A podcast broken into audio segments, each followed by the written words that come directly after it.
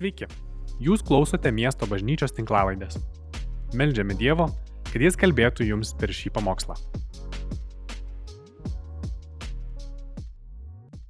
Sveiki, brangieji. Šiandien tęsim pamokslo ciklą, kurį vadiname tikėjimo bėgikai. Ir kalbam apie maldingumą, apie mūsų maldos gyvenimą. Ir žvelgiam per šią vasarą į mūsų tikėjimo protėvius, tuos, iš kurių galim pasimokyti. Iš tiesų, mūsų mokytojai gali būti gyvi, kurie yra dabar su mumis tikėjimo kelioniai, kiti gali būti seniai mirę ir visgi gali mus mokyti. Tai, kas parašyta apie juos, tai, ką mes žinom apie jų gyvenimą, gali būti mums įkvėpimas e, sunkiu metu. Tai šiandien aš noriu pažvelgti su jumis į pranašo Elijaus gyvenimą. Pranašas Elijas, na, jeigu žvelgti visą jo gyvenimą, jis toks platus, pilnas įspūdingų stebuklų. Bet ką šiandien norėčiau su jumis peržvelgti, yra viena jo gyvenimo epizodą, kuriame jis atsiduria tokio gilioj dobėjai. Gilioj dobėjai emociškai, galbūt net ir fiziškai išsekęs, bet labiausiai kalbam apie jo tokią vidinę būseną, apie, apie baimę, apie depresiją, apie nenorą gyventi Ir aš pagalvoju, kad šiais laikais tai turbūt yra na, beplintanti epidemija. Negalėčiau net pasakyti, kodėl tiek daug mano aplinkoje, žvelgianti visuomenė, matau žmonių, kurie vartoja antidepresantus, kurie randa vis naujas kažkokias diagnozes. Aš kai augau, tai net nepamenu tokių visokių superaktyvumo kažkokio perdėto nežinau, kas yra autizmas. Kai kurie dalykai gal tiesiog nebuvo toj sistemoje sovietiniai diagnozuoti, bet niekada anksčiau nemačiau tiek daug tokių nerimo priepolių, panikos priepolių pa žmonės, kiek, kiek dabar tenka susidurti. Ir gal tai susijęs su tokiu informacijos kiekiu, kurį mes gauname, skaitom naujienas, daug blogų žinių, naujienos tik iš to gyvena, iš išimčių labai retai kada išgirsi ką nors gero. Na ir blogos žinios, negatyvas, kuris eina, jisai gali stipriai mus paveikti. Ir šiandien važiuodamas su vienu bičiuliu klausiausi jo istoriją apie tai, kaip jisai patirdamas patyčias pateko irgi į tokią gilę savo gyvenimo duobę, atsidūrė ir depresijoje, ir, ir teko vaistus vartoti. Žodžiu, čia yra tokia tema, kai kalbam apie, apie baimės, apie depresiją, apie paniką, tarp kai kurių krikščionių, na, tai yra tabų kalba. Jeigu tu esi tikintis, jie sako, tai tavo gyvenime niekada nebus taip, kad tu papultum į depresiją ir nerimą ir į stresą ir panašiai. Žodžiu, tavo tikėjimas yra silpnas. Jeigu tu esi tikras tikintis, tvirtas tikėjime, tokie dalykai pas tave niekada neteis. Ir man tai tokia neskani žinutė, aš tiesiog visų vidumi to priešinuosi, nes man toks jausmas, kad tie žmonės, kurie taip kalba, jie tiesiog prisirinkė tų krikščioniškų klišių, jie nori taip tikėti, jie turi tų teiginių, bet arba patys atitrūkė nuo to gyvenimo, arba Biblijos nėra skaitę. Nes kur kur, bet Biblijoje tu perskaitysi krūvą visokių istorijų apie žmonės, kurie įpuolė į duobės ir kurie neveidmainiavo ir nesinori kažkaip būti tokiu apsimetėliu, nesinori užsiklijuoti tų klišių ir sakyti viskas gerai, Dievas toks galingas, jisai išvaduoja iš visų lygų, jokių problemų nėra, šalin nuo manęs abejonė, šalin netikėjime, šalin tas, šalin tas. Jeigu tai yra tikra ir aš tikiu ir dvasinė kova ir tikiu, kad abejonės ateina iš pikto, aš suprantu visą tą dvasinį užtaisą ir su kuo mes kovojam. Bet blogiausia yra apsimetinėti ir sakyti, tarsi nieko nėra, arba tiesiog labai paviršutiniškai spręsti tas problemas, galiausiai atitolti apskritai nuo Dievo, išsiginti bendruomenės, bažnyčios, nes tau gėda pripažinti, kad kažkas nesusitvarkė o kiti net negali priimti kito naštų, ar ne? Žmogus apsunko, jisai įkrito kokią depresiją, pasimeldė už jį 3-4 kartus, žmogus nepagijo, ką tada su juo daryti, na, arba mes neturim tikėjimo, arba jis neturi tikėjimo, na, greičiausiai jam gal net nėra vietos bažnyčioje. Ir man tai yra liūdna, nesinorėtų man būti bažnyčioje, kur mes taip vienas į kitą žiūrim. Bet galėtumėm su savo bėdomis tikrai prie viešpaties ateiti ir žvelgti žmonės, kurie, na, kurie esam nuoširdus, autentiški, tikri ir laiminti su Dievu. O tai žmonėje yra unikalus dalykas. Mes iš tikrųjų kaip žmonėje esam tiek daug pasiekę. Kaip pagalvoja, kad na, visos kitos gyventojų rūšis šioje planetoje nuo, nuo ugnies bėga, o mes ugnį galim pažaboti, parsinešti ją namo ir įdarbinti, kad mus šildytų. Galim šviesą paversti energiją, galim sukurti na, unikaliausių prietaisų, kad mūsų gyvenimas būtų patogesnis. Mes sugebėjom į kosmosą nuskristi, dabar į Marsą norim išsikraustyti. Kaip žmonės mes tiek daug pasiekėm, bet vieno dalyko nesam pasiekę tai pasaulio taikos. Mes nesam pasiekę visiškos tokios ramybės, taikos tarpusavio santykiuose. O jinai prasideda nuo vidaus. Tai va šiandien norisi pažiūrėti tą vidinį pasaulį, nes tam, kad atneštume taiką, kad atneštumėm į mūsų santykius tokį tvarumą ir, ir, ir nuoširdžią meilę, visa tai turi gimti mumyse. O kad tai gimtų mumyse, mes turim labai nuoširdžiai atvirai pažvelgti į save, neveidmainiaudami. Taigi šiandien mūsų pavyzdys yra pranašas Elijas. Apie jį labai įdomi Jokūbas, apaštalas Jokūbas rašo, Elijas buvo toks pats žmogus kaip ir mes. Kartais man taip atrodo, gal Jokūbas kažko užsirūkė ir parašė šitos žodžius, nes aš galvoju, nu nieko savo. Man atrodo, aš jį nepanašus. Jis sako, jis buvo toks pat žmogus kaip ir mes. Jis meldė, kad nelytų ir nelyjo žemėje trejus metus ir šešis mėnesius. Ir jis vėl meldė ir dangus davė lietaus, o žemė užaugino savo vaisių. Nežinau, kam iš jūsų yra taip pasimelsti tekę, kad tokie dalykai įvyktų. Tai kai jis sako, jis toks pat žmogus kaip ir mes, aš nemanau, kad Jokūbas kažkaip svaigsta ir galvoja, kad mes irgi čia tokie kieti, kad vieną dieną pasakysim, tegul nelyja ir nelis, o kitą dieną užsimanysim, tegul lyja. Ir jokingiausia, jeigu du bus sustoję ir vienas melsis to, kits ano. Bet ką jis nori pasakyti, kontekstas tenais yra bendruomeninio gyvenimo. Ir jis nori pasakyti, kad Elijas nebuvo kažkoks antžmogis, jis tiesiog tikėjo Dievu ir Dievas per jį darė didelius darbus.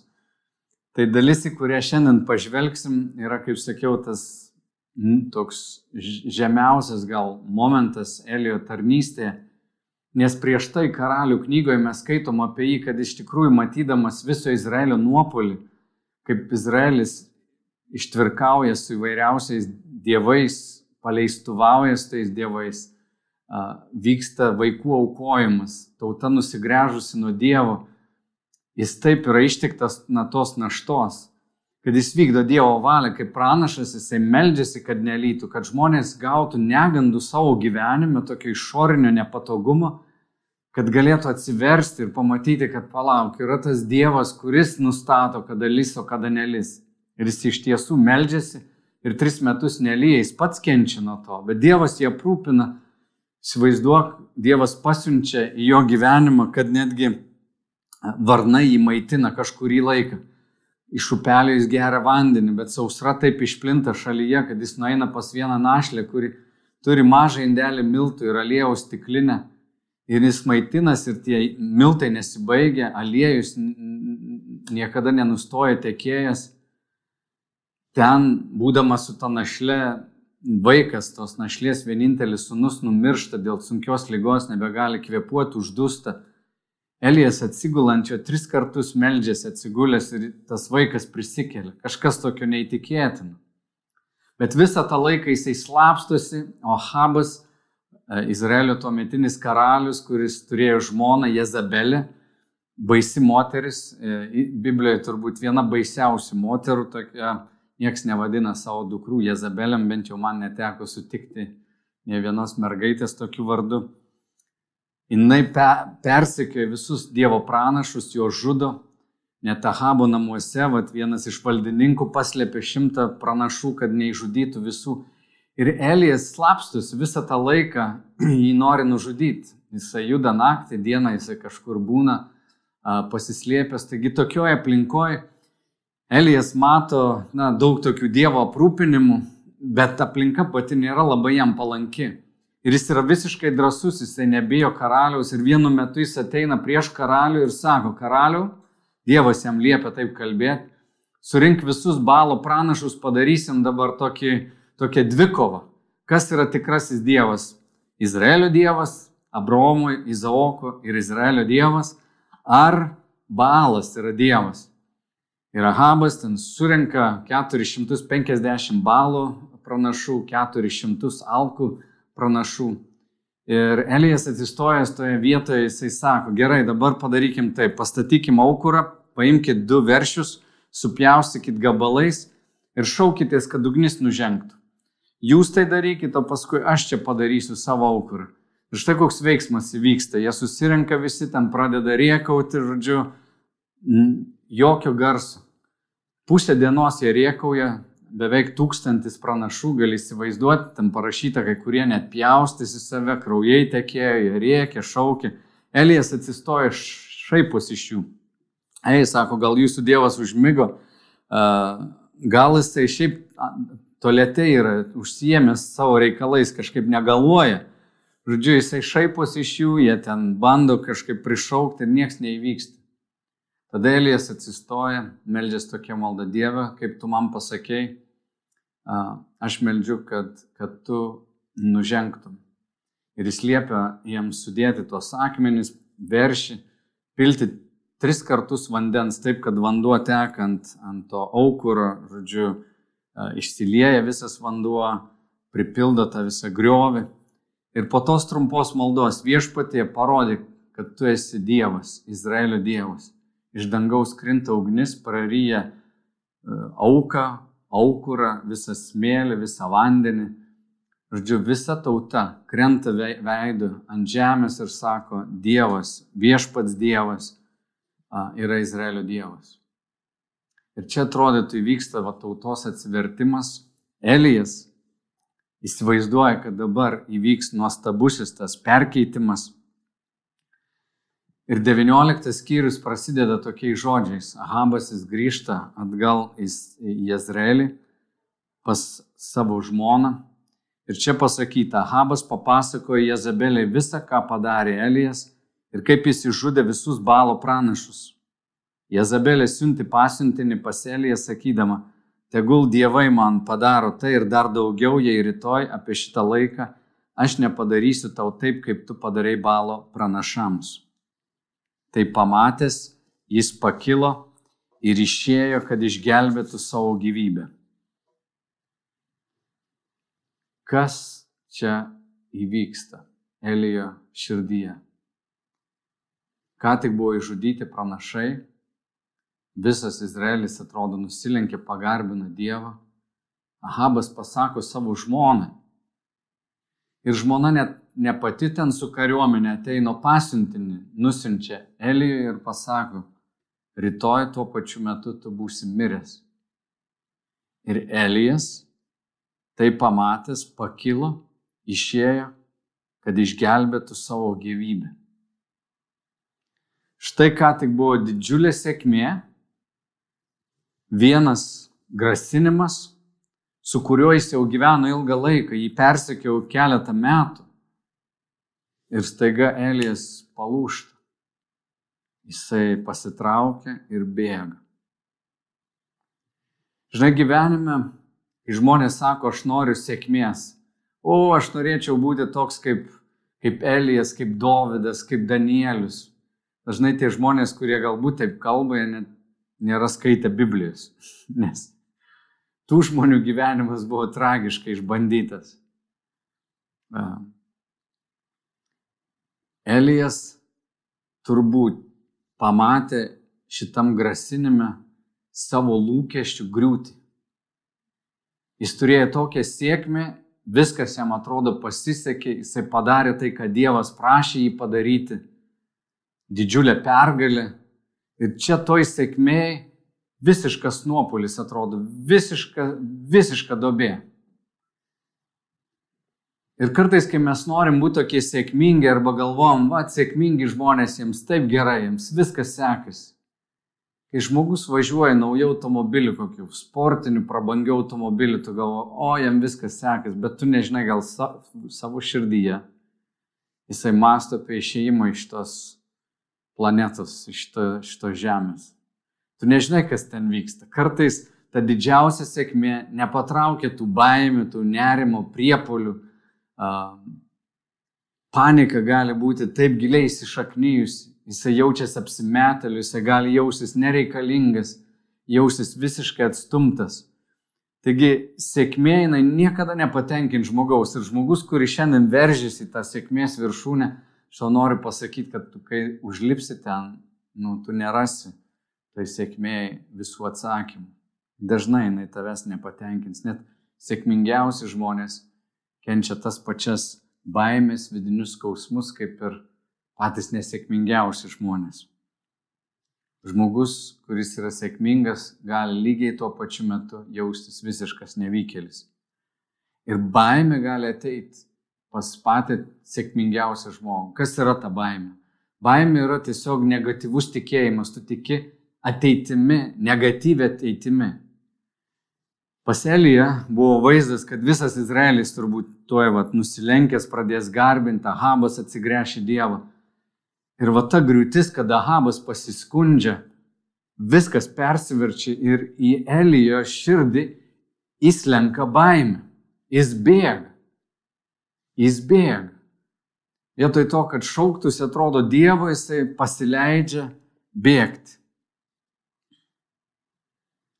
Kaip tikėjimas pozityvė ateitimi gali tau suteikti jėgų, taip tikėjimas negatyvė ateitimi, ta baime gali išsunkti iš tavęs visas jėgas. Ir tas pokytis, jis gali įvykti patiems sėkmingiausiam ir stipriausiam žmonėm. Aš netikiu, kad žmogus, kuris sako, wow, viskas man gerai, kuris nuolat yra viršūniai, man kartais kvepia tokiu neautentiškumu. Aš žinau daug Dievo vyrų, kurie yra Dievo labai sužeisti Ir iš tikrųjų jų silpnume Dievas yra galingas. Apie tai kalbėjau praeitą savaitę, kada paštalas Paulius visiškai nesigėdėjo savo tų silpnumų ir nusivylimų, nevilčių. Antram laiške korintiečiams jis sako, aš jau nebeturėjau vilties išgyventi, bet Dievas pasigailėjo manęs, kad Epafro nepaėmė, Epafras išgyveno, nenumirė, kad nebūčiau perdėm nuliūdęs. Tai tų nesėkmių yra daug ir aš galvoju, kuo daugiau Dievas naudoja kažkokį žmogų, tuo labiau jis leidžia jam būti sužeistam.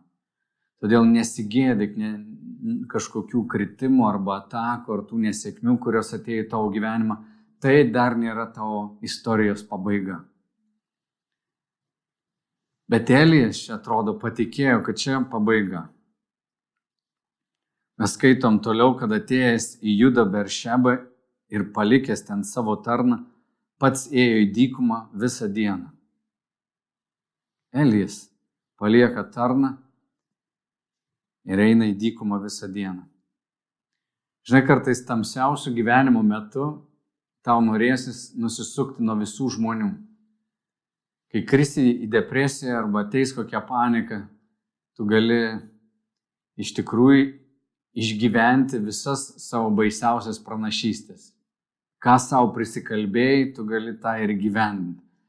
Čelijas atrodo turėtų bėgti kažkur pagalbos ieškoti, bet kaip tik tamsiausių metų kartais noris nuo visų atsiskirti, užsidaryti ir e, užsikasti, kad manęs nieks nematytų. Kartais ta nesėkmės gėda jinai taip slegia. Aš pamenu, kai teatre dirbau, e, mano pirmosios savaitės Švedijoje buvo, man reikėjo vieną tokį vaidmenį atlikti švedų kalbą ir aš jos nemokėjau, aš tiesiog buvau anglų kalbą vaidinęs tą, tą rolę. Ir aš išmokau švediškai kalbėti, aš buvau ant scenos ir ten tokia buvo energingo žmogaus tokia rolė, kur turi tam garsiai išnekėti ir aš atsimenu, stovi ant scenos ir sakau kažką ir vieną akim pasižiūri į savo žmoną užkulisiuose ir jos akis tokios.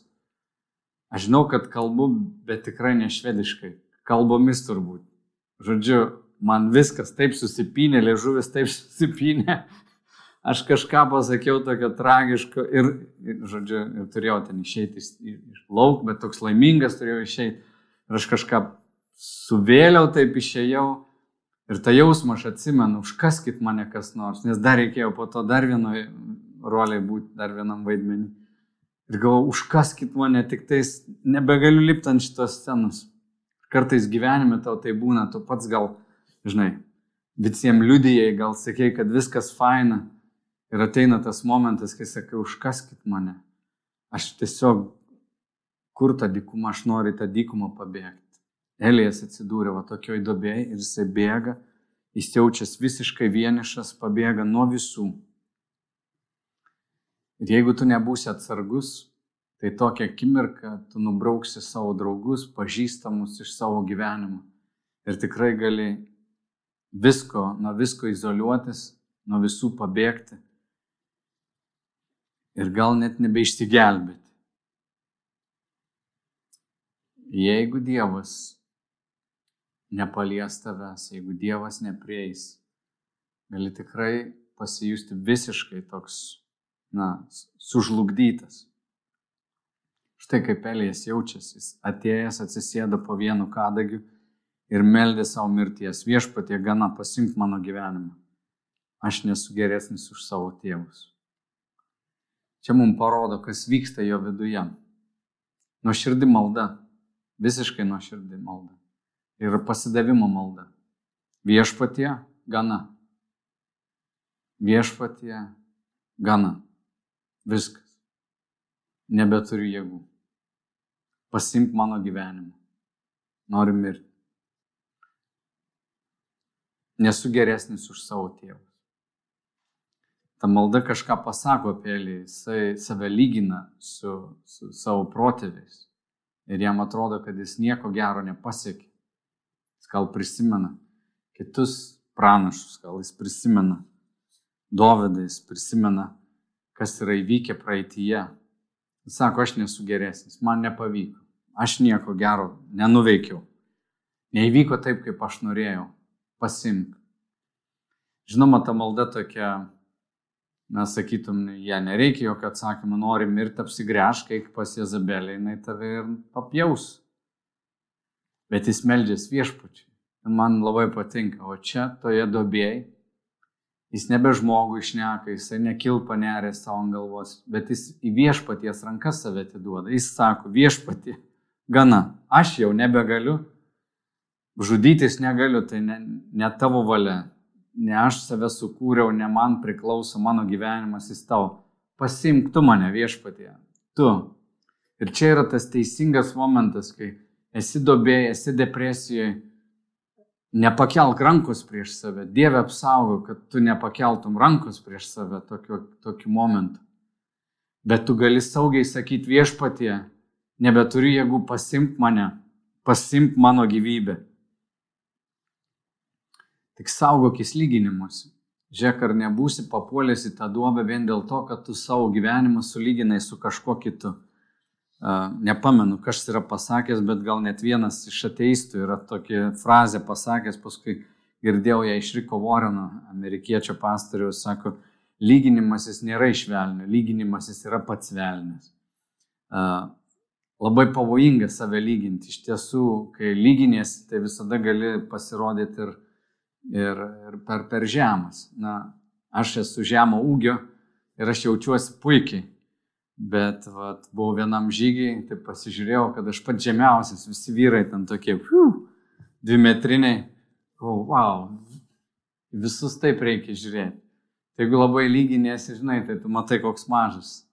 Bet uh, jei nesilygini ir sakai, na, aš esu kas esu, ne aš save sukūriau, man ką Dievas davė, tą turiu ir keliauju. Tai truputį padeda mums negriūti taip giliai. Bet žinai, jis meldžiasi tokia malda. Viešpatie paimk mane. Toje maldoje nėra jokios vilties. Na, iš tikrųjų, beviltiška tokia malda, ar ne? Pasimk mane, viskas baigta. Dieve, tu pralaimėjai, aš už tave čia tarnavau. Žodžiu, Izraelis toliau seka balo, nėra išeities. Ir žinau, kad Dievas tokioj tamsoj, jis niekada neatsakys į tokią maldą, kurioje nėra vilties. Nes Dievas yra vilties Dievas. Jis mato ateitį kitaip. Elijo gyvenimą jis mato kitaip ir Elijas čia dabar tamsoje, jis pats projektuoja, kaip jo gyvenimas pasisuks Bet būdamas tamsoje dažnai žmogus neatsimena, ką Dievas yra gero padaręs praeitį. Kai įkrenti į duobę, labai kartais sunku pamatyti, kas gero buvo praeitįje. Kai aš matau du žmonės susipykusius arba ant skirybų slengščiai, labai retai be prisimena visus gerus pasimatymus, kelionės, kažkas įvyksta, aptemsta protas. Tik po to, ar jau įsiskyrus, ar praėjus kažkiek laiko, pala, pala, gi viskas ne taip. Tai tamsoje viskas patamsėja. Dievas nori išvesti mus į šviesą. Ir žinok, kaip tu prisimeni savo ateitį, taip tu suprojektuosi savo, a, a, atsiprašau, kaip tu prisimeni savo praeitį, labai dažnai bus tai, kaip tu suprojektuosi savo ateitį. Ir kas įvyksta va čia galvoje pas mus, kaip mūsų protas toje tamsoje veikia, yra labai esminiai dalykai žmogus įkritęs į tą duobę, jisai nebemato ateities, bet tai nėra Dievo paveikslas.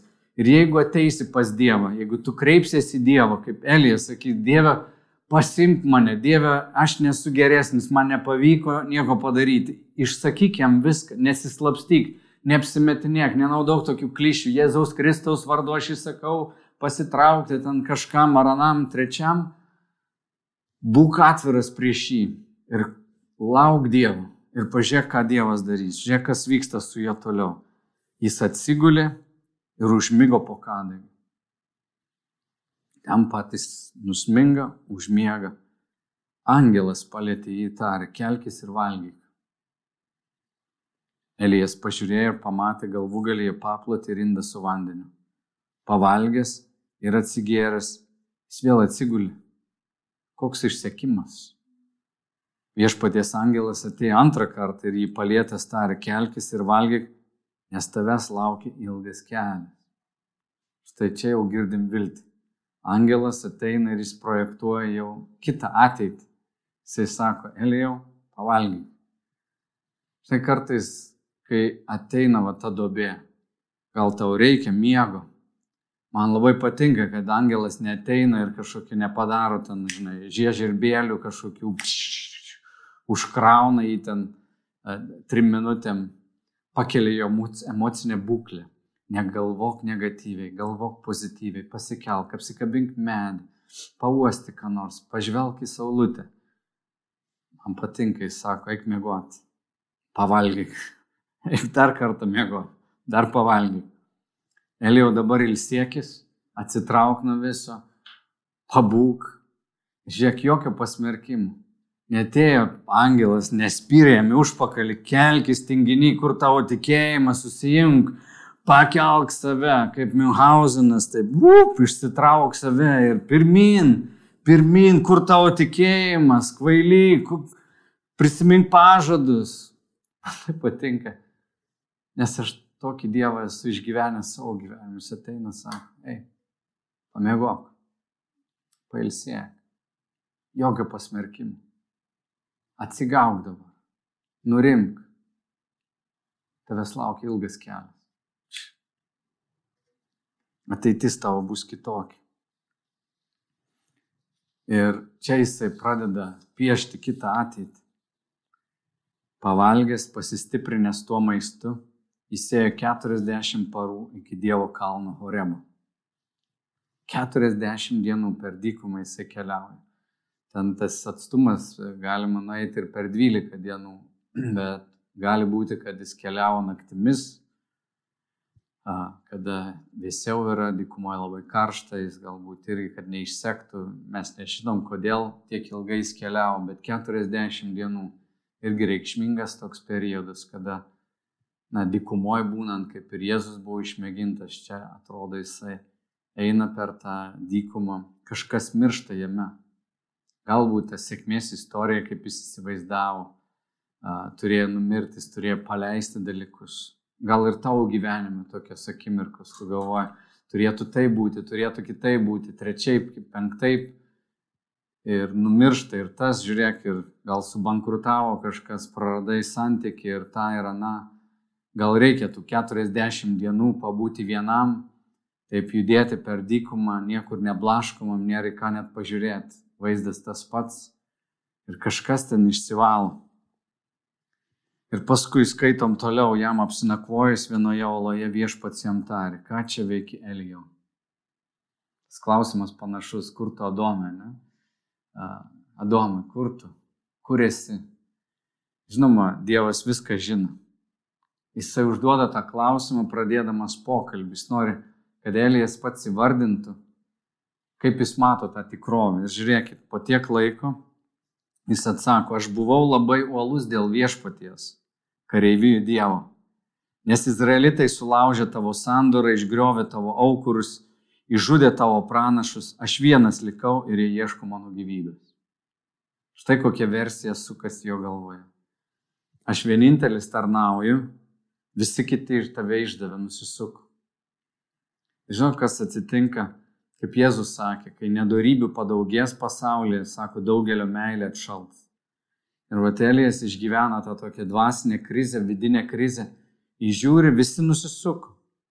Jis apie Izraelitus sako, uh, Izraelitai sulaužė tavo sandorą. Žodžiu, problemos yra ten, Dieve. Jie sulaužė, tai mane veikia. Aš tai buvau geras, aš buvau uolus, bet aš norėjau, kad ir jie būtų uolus. Ir man nepavyko. Aš stengiausi, aš buvau pavyzdys, aš jiem kalbėjau, žiūrėk, Dieve, kiek visko padariau dėl tavęs o jie tik laužė, laužė ir štai aš vienas. Štai tokia versija. Jis ją įgarsė. Viešpats tarė, išeik ir atsistok ant kalno prieš viešpatį. Viešpats praėjo ir didelė bei smarkia audra, ardanti kalnus, trupinanti olas, buvo priešais viešpatį. Bet audroje nebuvo Dievo viešpaties. Po audros drebėjo žemė, bet viešpaties nebuvo žemės drebėjime. Žemės drebėjimui praėjus pakilo liepsnos, bet ir liepsnose viešpaties nebuvo. Tada pasigirdo tylus ramus balsas.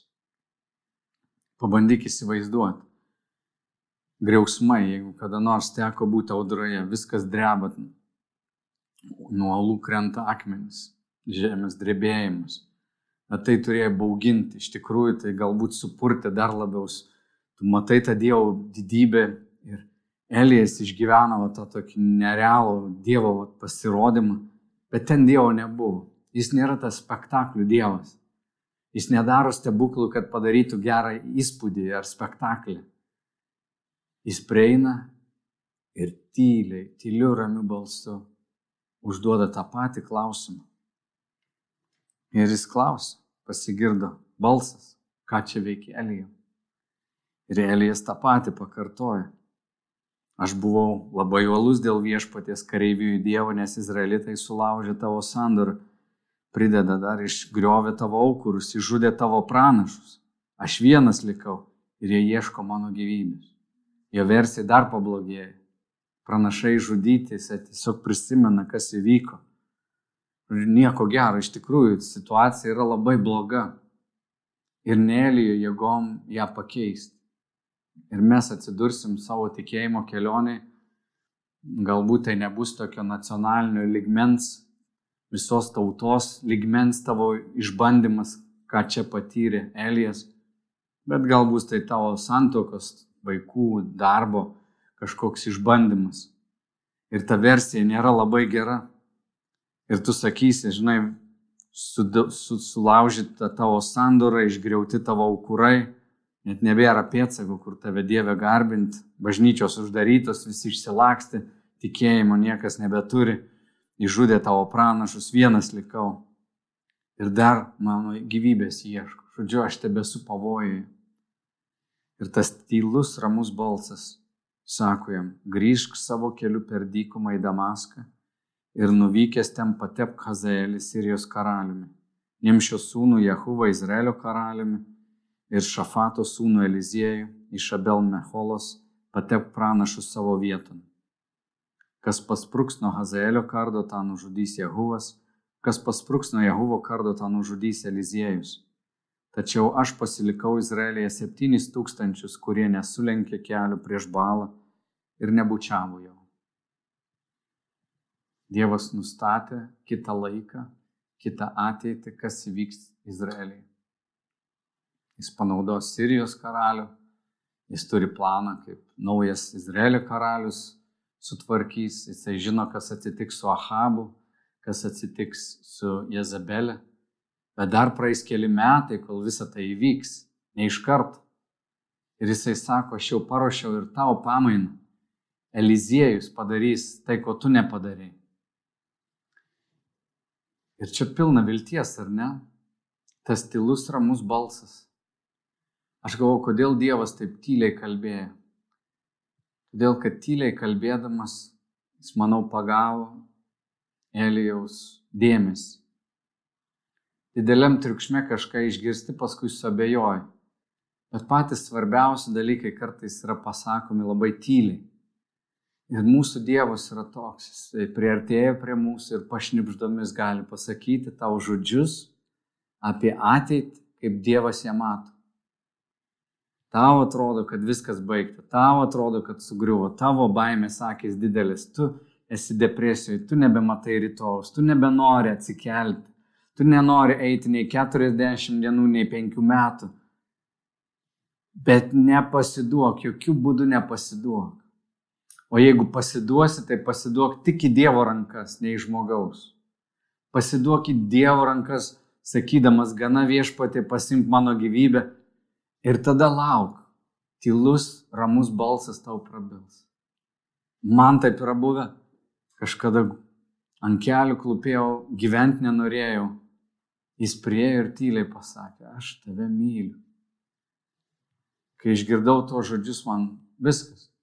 Man tai reikėjo išgirsti. Man nereikėjo išgirsti, kokia ten sėkmė manęs laukia. Man reikėjo vieno užtvirtinimo, kad aš jam esu svarbus, kad jis manęs nepaliks kad jis mane saugos ir jis buvo ištikimas. Praėjo beveik 30 metų, jis buvo ištikimas, jis mane prižiūrėjo, aš nežinau, kokia mano ateitis bus, bet aš esu ramus, nes mano gyvenimas yra saugus jame. Ir mes žvelgiam į tokį tikėjimo herojų, tokį didverį. Jis iš tikrųjų supermenas, bet ne taip, kaip mes įsivaizduojam. Ne tas supermenas, kuris niekada skausmo nejaus, kuris, žinai, septynis gyvenimus turės netoks.